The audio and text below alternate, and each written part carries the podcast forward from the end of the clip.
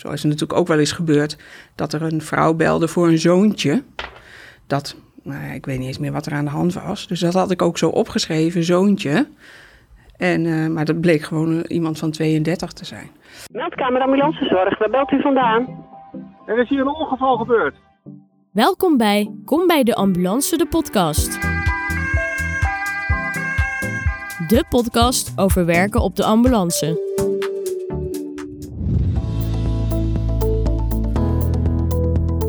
Welkom bij Kom bij de Ambulance, de podcast. Leuk dat jullie weer luisteren. Mijn naam is Fleur en tegenover mij zit Marie, verpleegkundig centralist op de meldkamer in Apeldoorn. Uh, Marie, zoals je ziet liggen hier op tafel allemaal uh, kaarten met daarop vragen. Mijn vraag aan jou is of jij straks een kaart wil pakken, de vraag wilt voorlezen en dan uh, deze ook wilt beantwoorden. Mm -hmm. um, maar eerst wil ik je eigenlijk even vragen of je even kort kunt uitleggen nou ja, wat verpleegkundig centralist precies is, wat je precies doet.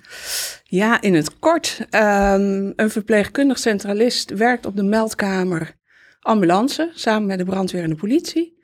En wij zijn verantwoordelijk voor de ambulancezorg in de regio. En daarbij neem je meldingen aan van organisaties, bijvoorbeeld ziekenhuizen, verloskundigen, maar ook de 112. Maar je regelt daarbij ook de ambulances die daar naartoe moeten gaan. Dat is eigenlijk in het kort. Nou, helder. Ja. Nou, dan gaan we meteen een, een kaart uh, pakken. Over 30 minuten gaat er een sirene af. En dat betekent mm -hmm. dat de podcast ten einde is. Dus ik zou zeggen, nou, pak een, uh, een kaart. Nou, spannend. Vind je het nog fijn om in je vrije tijd te bellen als je al de hele dag aan het bellen bent? Ja, dat is op zich wel een leuke vraag. Uh, wij zeggen wel eens tegen elkaar, het werk is hartstikke leuk als die telefoon maar niet zou gaan. Maar um, ja, nee, ja, daar heb ik geen problemen mee. Nee, nou, grappig. Want een, een werkdag, een dienst is acht uur. Ja. En dan ben je echt acht uur, uur ja. aan het bellen of is dat nog uh, verdeeld?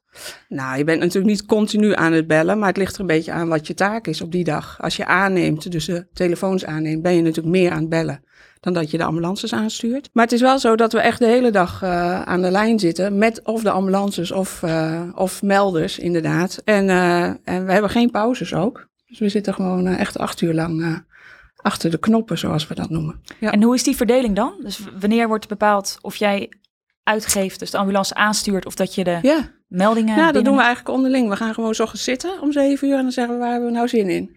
En als je vaak wat meerdere dagen achter elkaar uh, werkt, zeg maar, dan, ja, dan verdelen we dat een beetje. Dat ik zeg, ja, ik ga niet drie dagen alleen maar aannemen of alleen maar drie dagen alleen maar uitgeven.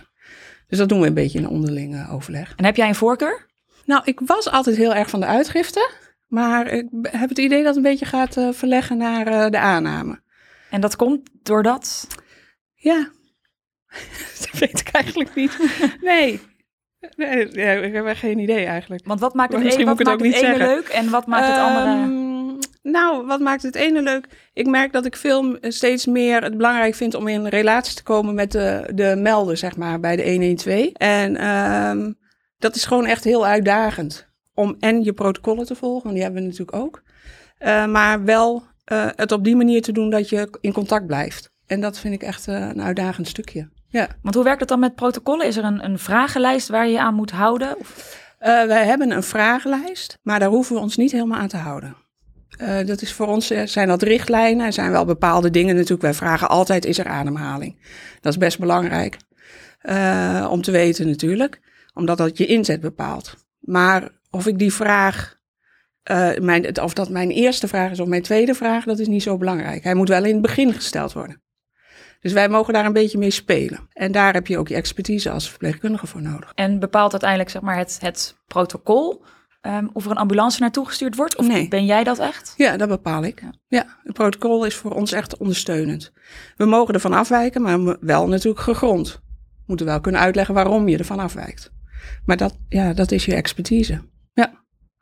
En dat maakt het ook leuk. En een verantwoordelijke taak. Absoluut, absoluut. Ja. En wat is, wat is de eerste vraag um, die je wel stelt? Waar bent u? Waar bent u? Ja. ja. Of in welke plaats moeten wij zijn, eigenlijk, hè? Ja. En als mensen daar geen uh, helder antwoord op kunnen geven? Nou, uh, tegenwoordig is het uh, iets minder uitdagend als vroeger. Tegenwoordig krijgen we bijna bij elk telefoonnummer een adres mee. Maar dat wil natuurlijk niet zeggen dat we daar ook als ambulance moeten zijn. Dus dat moeten we dan toch eerst even uitvogelen. Um, daarnaast kunnen we mensen een sms sturen. die ze dan weer moeten beantwoorden. En dan kunnen we ook kijken waar ze zijn. Dus ehm, tegenwoordig hebben we veel hulpmiddelen om te bepalen waar iemand is. Ja, in in het allerergste geval zijn we daar gewoon heel erg lang mee bezig. Om, uh, nou, wat ziet u? Waar, ziet u een paddenstoel? Uh, allerlei zaken kunnen wij invoeren in onze systemen om toch ergens uh, toe te komen. Herkenningspunten. Ja. ja. ja. Ik zou zeggen, pak nog een vraag. Wat is er zo mooi aan dit vak? Het beste antwoord is natuurlijk uh, dat je er bent voor de melder. Uh, je bent het eerste contact met iemand die hulp nodig heeft. En uh, zij verwachten natuurlijk de ambulance. Maar jij kan in die tussentijd al heel veel met, samen met die melder doen voor het slachtoffer. Dus dat is denk ik uh, mooi aan het vak. En voor mijzelf want dat is natuurlijk op zich ook wel een gewenst antwoord, hè? Voordat het voor de melder uh, en de, het slachtoffer goed is. Uh, maar voor mijzelf vind ik het gewoon altijd leuk dat het weer een puzzel is. Of een puzzel aan de telefoon om te kijken waar moet daar nou een ambulance naartoe? Wat is er aan de hand met diegene? Of een puzzel om met de uitgifte te bekijken van goh, welke ambulance is slim om er naartoe te sturen. Um, is er dan ergens een stuk in de regio wat geen ambulance meer heeft? Dan moet je met een andere ambulance weer gaan schuiven. Dus die puzzels, die maken voor mij het vak mooi. Ja. Dus je stuurt niet alleen de ambulance aan die naar een patiënt toe moet, maar ook de regio hou je in de gaten dat die goed Ja, eerst uh, bepaal je is. natuurlijk al of die ambulance, ambulance uh, sowieso moet gaan rijden eigenlijk. He, want misschien is wel een huisarts veel beter of kunnen ze zelf uh, er iets mee. Um, en daarnaast uh, moet je inderdaad die ambulances gaan herpositioneren als je toch een ambulance gaat sturen. Want niet overal staan uh, drie ambulances. Nee. Want en in hoeveel procent van de gevallen ongeveer gaat er een ambulance ergens naartoe? Oh, dat is echt heel wisselend. Ik heb geen idee. Daar heeft vast het Witte Kruis een heel goed antwoord op. Maar uh, ja, bij ons, als ik op de meldkamer kijk, soms zijn er dagen waarop er uh, heel veel geannuleerd wordt, zoals wij dat noemen. Uh, en ja, soms zijn er dagen waarop je alleen maar aan het sturen bent. Er zijn dagen waarop je uh, vier, vijf reanimaties in een dienst hebt. En er, zijn, er is een week waarin je denkt, nou, er gebeurt eigenlijk niks. Dus het is echt, ja, er is geen pijl op te trekken. En dat is ook niet vooraf ergens al te voorspellen? Bewijs, nou ja, met glad weer bijvoorbeeld, of juist ja, dat met natuurlijk extreme wel. hitte, ja. of met... En zeker nog, in, kijk, de lockdown heeft wel wat dingen veranderd. Maar wij zeiden altijd, uh, uh, voor die tijd was het altijd, kijk, op uh, zaterdag heb je natuurlijk alle sportletsels. Op de voetbalvelden en, en andere sportvelden. op zondagochtend gaan de mensen naar de kerk. Worden ook altijd wat mensen onwel in de kerk zelf. Dus om tien uur gaat de eerste ambulance rijden op een zondag, zullen we maar zeggen. En als het een mooie dag is, dan gaan de motorrijders op zondag rijden. Dus je kan daar wel iets in zien natuurlijk. En het weer heeft natuurlijk daarmee te maken, absoluut. Ja. Maar dan heb je het meer over ongevallen. Ja. En zit je dan al, nou ja, bij wijze van spreken voor jou, als jij het weerbericht ziet en je denkt, oh nee, dit is de eerste mooie dag van het jaar, daar gaan we? Uh, nou, dan denk ik, dan denk ik niet, oh jee. Maar dan denk ik wel, oh yes. nou, dat kon wel eens een interessante Interessant. dag kunnen worden. ja. ja, of bijvoorbeeld met, natuurlijk met het schaatsen. Dat was ook een uh, uitdaging, zeg maar. Uh, veel slachtoffers uh, op het ijs.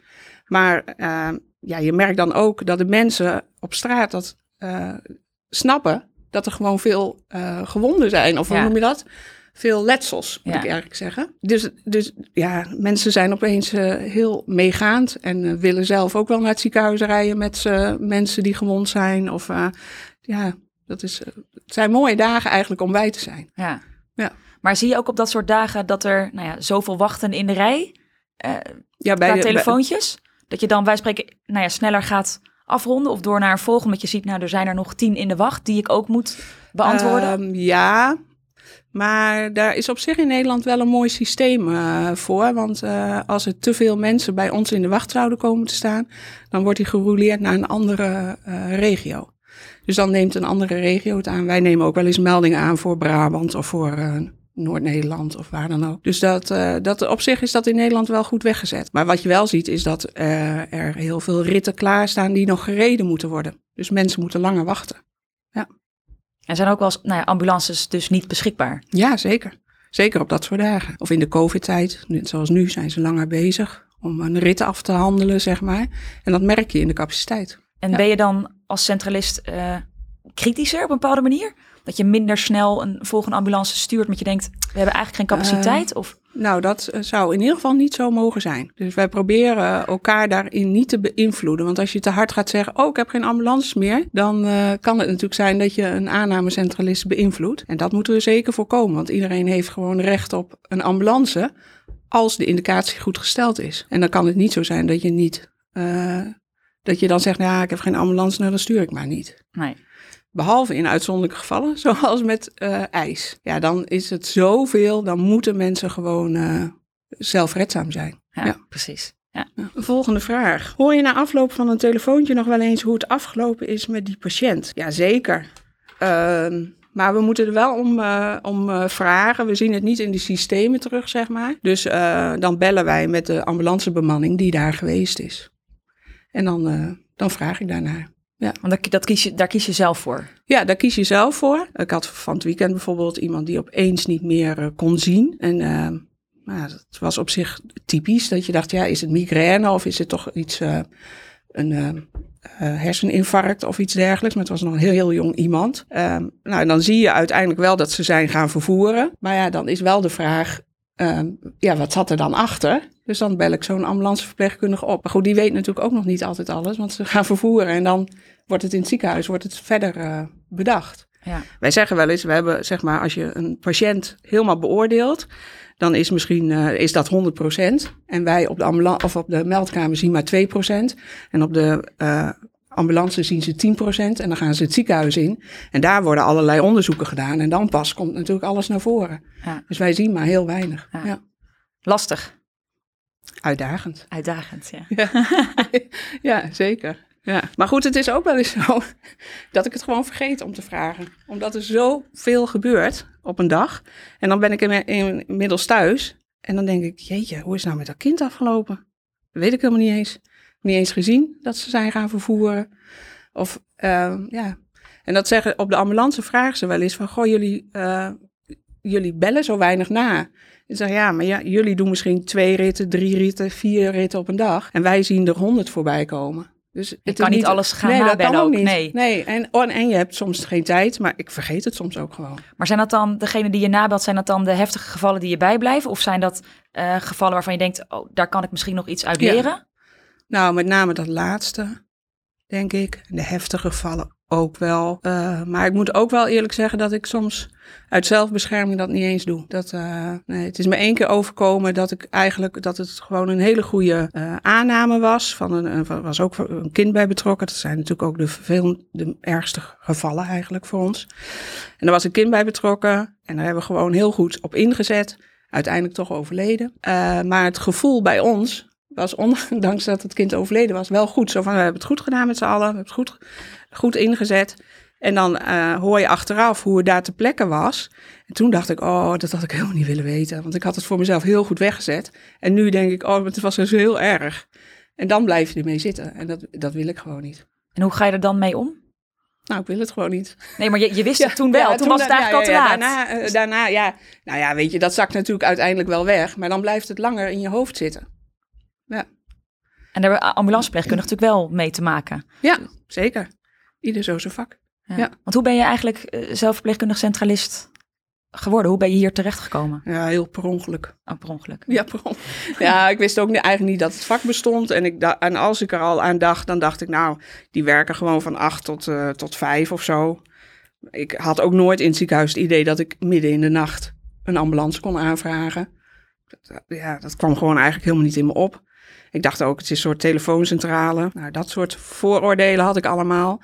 Toen uiteindelijk ben ik een soort met, ja, gedwongen om toch te gaan kijken op de meldkamer door een uh, familielid. En uh, omdat diegene zei van, nou, dit is echt een heel leuk uh, vak en jij, dat vind jij leuk. En ik dacht, nou, ik vind het helemaal niet leuk. maar goed, toch maar gaan kijken. En ja, het is gewoon, het is heel technisch en tegelijkertijd ja, echt menselijk vak, maar technisch. En uh, je hebt gewoon eigenlijk alle bagage vanuit je ziekenhuis heb je gewoon nodig om dit vak goed te kunnen uitoefenen. Dus uh, het is super uitdagend gewoon. Dus de ja. mensen die hier uh, op de meldkamer werken, hebben allemaal een achtergrond in het ziekenhuis? Uh, ja, voor het Witte Kruis werken allemaal mensen die uh, verpleegkundigen zijn geweest. Ja. ja. En, en technisch, want hoe bedoel je technisch precies? Nou, je werkt met heel veel systemen. We zitten achter eh, veel computers, eh, computerschermen. En eh, ja, er zitten meerdere programma's op. En die moet je allemaal tegelijkertijd bedienen. Eh, dus dat bedoel ik met technisch. En nooit geen spijt gehad van de overstap. Oh, absoluut niet. nee, maar ik was ook uitgekeken in het ziekenhuis. Dus dan is het ook goed hè, Ja. om wat anders te gaan doen. En wat zou je zeg maar tegen nou ja, collega's in het ziekenhuis dan nou ja, willen, willen zeggen waarom dit, dit vak zo mooi is? Waarom zij bij van spreken allemaal de overstap moeten maken? Nou, ik denk dat het sowieso goed is als eh, verpleegkundigen in het ziekenhuis weten dat dit beroep eh, bestaat, zeg maar. En dus als je denkt, hé, hey, misschien wil ik wel eens een overstap maken naar een andere eh, tak van sport binnen de gezondheidszorg, dan is dit een hele interessante baan om eens naar te kijken. Omdat je op een hele andere manier wel met je kennis en kunde vanuit de verpleging bezig bent. Want wat, weet, jij, weet jij de redenen zeg maar, van collega's waarom zij de overstap gemaakt hebben? Oh nee, nou niet allemaal. Nee. Maar de meeste, ja, dit, eh, ben je op een gegeven moment uitgekeken in het ziekenhuis. Dan denk je, nou, ik heb het wel gezien. Ik eh, wil wat anders, dat denk ik. Ja, nou ja, dat kan. Ja. Ja, ja, Kleine carrière switch. Ja. ja, precies, precies. Nou, laten we nog een vraag pakken. Waar wordt het meest voor gebeld? En dan heb je denk ik over de 112, denk ik, hè? Ja, Eh, waar wordt het meest voor gebeld? Ja, ongevallen, eh, hartproblemen, dat denk ik het meest. Hersenbloedingen denk ik ook wel. Maar eh, ja, dat zijn denk ik de drie hoofdcategorieën. En Ja. is dat dan nou ja, voor jullie zo'n routine geworden dat bij spreken echt een, een checklist is? Van oké, check, gevraagd, gevraagd, gevraagd. eh, dit gaan we doen? Of is elk, elke situatie, elk, elke melding weer toch weer heel anders? Nou, ik, merk, ik werk nu inmiddels 15 jaar op de meldkamer. En ik denk dat als je het hebt over hartklachten, nou dan zal wel heel veel, 95% of zo, is wel gewoon standaard voor mij inmiddels geworden. Maar er zit altijd een percentage tussen.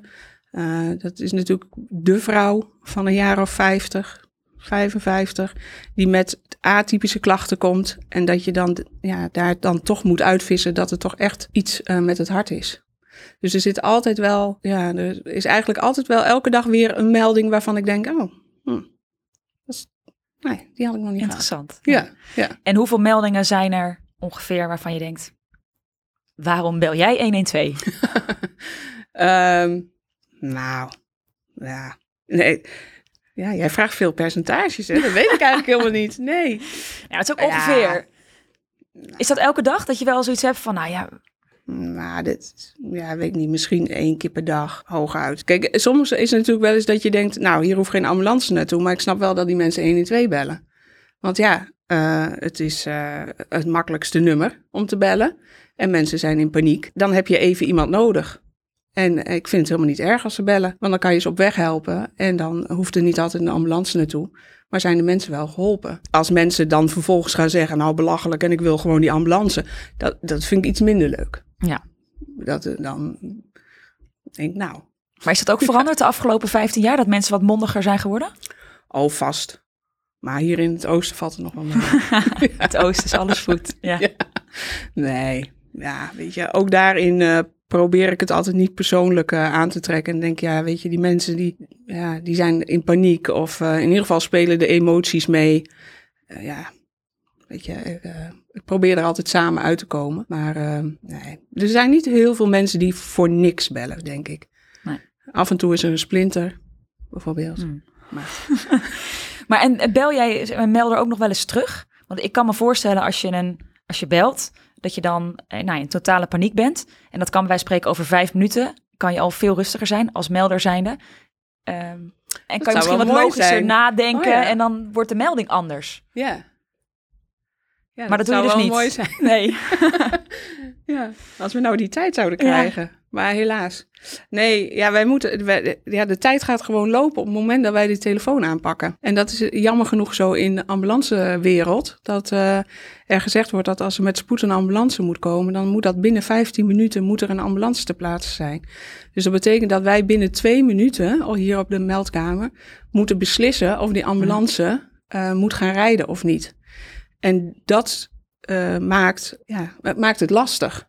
Maar het, het zou, ik vind het wel een mooi voorstel om gewoon te zeggen, nou, u bent nu te veel in paniek. Ik bel u over vijf minuten terug. Voor de toekomst. Ja. Oh, het moet er over reanimatie. Oh, nou, jammer dan. Ja. Nee, maar ja, dat kan niet. Nee. Nee, dat kan niet. Nee. Nee. En, en heb je nog veel contact met het ambulanceteam uh, ter plaatse? Je zei net van ja, die bel je af en toe, bel je nog op om te vragen hoe het dan was met die patiënt. Ehm, maar ook om, om de informatie zeg maar uh, bij te schaven. Of als jij meer informatie binnenkrijgt, dat jij nog wat nastuurt, extra informatie meegeeft. Hoe verloopt ja, wij doen eigenlijk alles digitaal. Dus we moeten zorgen dat het goed beschreven staat. En uh, nou ja, als het een, een doorsnee melding is, hè, waar we het net over hadden, dan denk ik ook dat de ambulance voldoende heeft. Maar soms denk je wel eens van ja, is het nou iets met het hart? Of zit het toch meer in het hoofd? Of is het psychisch? Of is het drank in het spel? Dat heb je ook wel eens van die meldingen. Dat je het eigenlijk gewoon niet goed weet. Maar dat je wel denkt, ja, er moet wel iemand naartoe om dat te verifiëren. Want dan kan het ook niet helemaal uitsluiten. En dat soort meldingen, die, uh, dan zeg ik vaak tegen degene die uh, uitgeeft, want die heeft eigenlijk contact met de ambulances. Dan zeg ik van, goh, ik pak eventjes die ambulance om ze even bij te praten. Dat ze weten want zij lezen natuurlijk ook soms dat ze denken, nou, geen idee, wat ga ik daar doen? En dan vind ik het wel belangrijk om ze eventjes gewoon mondeling bij te praten. Ja. En sowieso kan ik me voorstellen dat het een goed idee is dat af en toe een ambulanceteam eens meekijkt op de meldkamer. En vice versa. Precies, ja. ja. Wat gebeurt dat? Zeker, ja. In de COVID-tijd natuurlijk iets minder. Maar uh, ja, wij moeten één keer per vijf jaar, uh, of mogen wij één keer per vijf jaar meekijken. Ja, dat, uh, dat zorgt natuurlijk wel voor meer begrip onderling. Maar één keer per vijf jaar is ook wel weer heel lang zeg maar. Aan het einde van die vijf jaar was je toch ook wel weer vergeten waarom we het zo doen. Ja. En zijn er uh, in die tussentijd nog meer scholingen of gezamenlijke scholingen bedoel je? Of nou, sowieso? Ook, ook, ja, ook gewoon als uh, centralist ja. zijnde. Nee, wij hebben zes uh, dagen scholing per jaar, waarvan de vier verplicht zijn en twee mag je zelf bedenken, zullen we maar zeggen. En uh, daarmee halen wij onze punten. En, want we moeten een aantal punten halen binnen vijf jaar om BIG geregistreerd te blijven als verpleegkundige. Dus we hebben zes uh, dagen scholing en uh, waarvan er in ieder geval één uh, dag samen met de rijdienst is. Dus we zien elkaar wel, maar niet zo vaak. Nee. Nee. nee. nee. nee. Misschien zouden we een beeldtelefoon op de meldkamer moeten hebben. Kijk, of goeie voor de toekomst. Ja, dat heb ik ook gezegd. Ja, ja, gebeurt het wel eens dat er geen ambulance meer beschikbaar is? Zeker, ja. In het weekend komt dat voor. Maar goed, uiteindelijk is het vaak wel zo dat als je als uitgiftecentralist denkt, nou, nu wordt het toch wel heel erg krap. En dan heb je nog ergens uh, één ambulance in een heel groot gebied staan waarvan je denkt, nou, mag hopen dat er niks gebeurt. En dan gebeurt er toch ook alweer niks. Vaak lost het, ja, nou ja, lost het zich toch wel weer op. Dus uh, dat er echt helemaal geen ambulance meer is, nou, dat is zelden. Dat de ambulance een iets langere aanrijdtijd heeft, dat gebeurt nog wel eens. ja. Nou, ik zou zeggen de volgende, want deze hadden we eigenlijk al een beetje beantwoord. Ja, hoe ervaar je de samenwerking met de collega's van de meldkamer, politie, ziekenhuizen en ketenpartners? Ja, hoe schakelen jullie met, nou ja, als er een zwaar ongeval is bijvoorbeeld, hebben jullie dan ook contact met meldkamer, politie, brandweer? Hoe gaat dat? Ja, als er een contact. groot ongeval uh, gebeurt dan, en er zijn gewonden. Nou, kijk, elke telefoontje komt binnen in Driebergen. Um, meldt iemand, er is een ongeval gebeurd en er zijn gewonden, dan gaat het telefoontje als eerste naar de ambulance dienst. Komen er meerdere telefoontjes over hetzelfde ongeval, dan gaat het tweede telefoontje gaan naar de brandweer en het derde telefoontje gaat naar de politie, zeg maar. Zo proberen ze dat een beetje te verdelen onder de partners. En uh, wij maken in de uh, meldkamer, maken we voor elk telefoontje maken we een rit aan, een formulier binnen een systeem. En als het gaat om een ongeval, dan drukken we op één knop en dan komt alle informatie gelijk bij alle bij de politie en de brandweer tegelijk terecht. En als zij dan ook een melding hebben, dan kunnen we die gegevens allemaal bij elkaar koppelen. En dan op een gegeven moment hebben we dan een totaalbeeld. Uh, dus daarin zit natuurlijk al de samenwerking met de politie en de brandweer. Um, zij zorgen natuurlijk ook voor de veiligheid van onze mensen van de ambulance. Um, dus daar. Uh, daar wordt ook over gecommuniceerd, over de veiligheid. Um, ja, zijn er heel veel slachtoffers, dan gaan we de ziekenhuizen informeren. En uh, nou ja, wordt het echt heel groot, dan uh, schakelen we ook huisartsen in.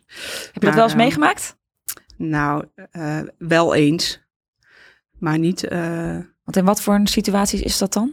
Wat voor een situatie is dat dan? We kennen natuurlijk allemaal Turkish Airlines bijvoorbeeld, hè? of uh, het Hemeltje. Dat zijn natuurlijk de grote uh, gebeuren bij ons in Nederland, zeg maar. maar goed, we hebben ook wel een keer een trein gehad die een botsing had met een, een verrijker, bijvoorbeeld. Ja, en dan wordt er wel opgeschaald binnen de ambulancezorg ook om de slachtoffers te behandelen. Of een brand in een groot, of in een verpleeghuis bijvoorbeeld. Dan Maar worden dan ook extra centralisten opgeroepen? Zeker, er worden extra centralisten opgeroepen en er kunnen extra ehm, eh, ambulances in dienst komen. Ik weet wel dat, ehm, kijk, weet je, het gebeurt niet zo heel vaak. Gelukkig. En eh, gelukkig. En ehm, sommige dingen, ik vergeet gewoon ook dingen. Ik, dat weet ik niet. Maar sommige dingen blijf je natuurlijk wel bij. Ik weet wel dat we een keertje een windhoos hebben gehad in eh, Vethuizen. Nou, ik, ik wist niet eens dat het bestond, het plaatsje, bij wijze van spreken. En die werd echt be- aangekondigd door de brandweer dat er een windhoos zou komen. En mijn collega en ik eh, waren eigenlijk een soort met een beetje lacherig erover. Dat we zeiden, nou, nou, dat, dat zal wel meevallen. En eh, vijf minuten voor tijd zei echt de ambulance of de brandweer echt van, nou, over vijf minuten is het er. Nou, dus we zaten er helemaal klaar voor. En inderdaad, vijf minuten later gingen er een heleboel eh caravans eh, de lucht in door de ambulance. Of eh, door de windhoos, moet ik zeggen. Maar dan zie je dus ook dat, omdat dat eigenlijk al een beetje ja, gevoelsmatig eraan zat te komen, zeg maar, waren er ook bijvoorbeeld ambulances, bemanningen, die zeiden van, goh, vind je het prettig als we blijven? Dat we niet naar huis gaan, maar dat we gewoon nog even blijven. Nou, dat vonden wij natuurlijk wel fijn. Prettig, dan hadden we ja. meer eh, capaciteit. Dus, ehm, en toen is er ook een extra centralist opgeroepen. Ja, ja gaan we Ik nog zou een... nog een eh, pakken. Oh, nou. Moet je een beelddenker zijn voor dit beroep? Moet je een beelddenker zijn voor dit beroep? Ja, ik ben een beelddenker, dus ik zou niet weten hoe ik het anders zou moeten doen. Maar ik denk wel dat iedere centralist in zijn hoofd een plaatje maakt van hoe het daar ter plekke uitziet. En eh, doordat je ervaring hebt binnen een eh, nou ja, ziekenhuis of thuiszorg of waar je dan ook maar vandaan komt. En je weet hoe iemand eruit ziet als iemand echt grauw is. Dan, eh, en de melder zegt tegen jou, mijn man ziet grauw. Dan, ja, dan komt dat beeld gelijk natuurlijk in bij, dat? bij, bij mij boven. Maar het beeld kan soms ook totaal anders zijn dan dat het daar ter plekke is. Dan heb je voor jezelf al een heel idee hoe het daar eh, uitziet. En dan komt de ambulance te plaats en is het helemaal niet waar. Zo is het natuurlijk ook wel eens gebeurd dat er een vrouw belde voor een zoontje. Dat, nou ja, ik weet niet eens meer wat er aan de hand was. Dus dat had ik ook zo opgeschreven, zoontje. En, eh, maar dat bleek gewoon eh, iemand van 32 te zijn. Dus, eh, maar, Het was haar zoontje. ja, het was haar zoontje, Ja. maar ik, ik had dacht echt, nou ja, acht of zo.